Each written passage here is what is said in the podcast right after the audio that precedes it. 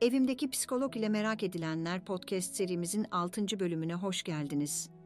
Bugün sizlere psikologla görüşmeden önce bilmeniz gerekenleri aktarmaya çalışacağız. Hazırsanız başlayalım.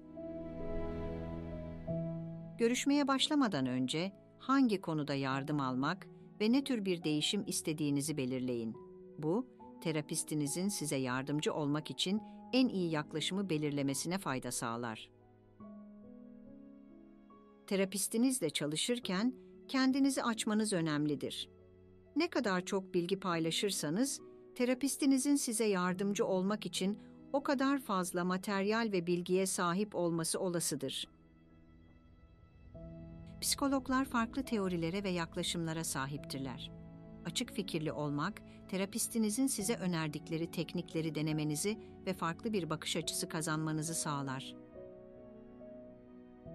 Terapistinizle çalışırken dürüst olmak, sizin en iyi sonucu elde etmenize yardımcı olacaktır. Terapistinizle açık ve dürüst bir iletişim kurmak, sürecin daha verimli olmasını sağlar. Randevularınıza hazırlanmak, daha verimli bir terapi sürecine yardımcı olabilir.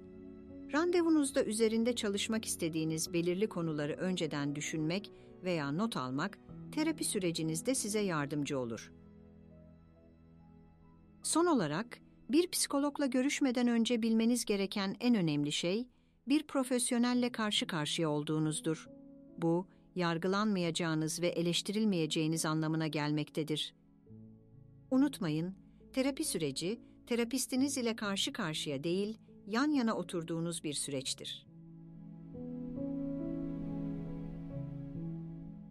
Bugün kısaca terapi sürecine dair bilmeniz gerekenleri aktarmaya çalıştık. Bir sonraki yayında görüşmek üzere. İhtiyaç duyduğun her an evimdeki psikolog seninle.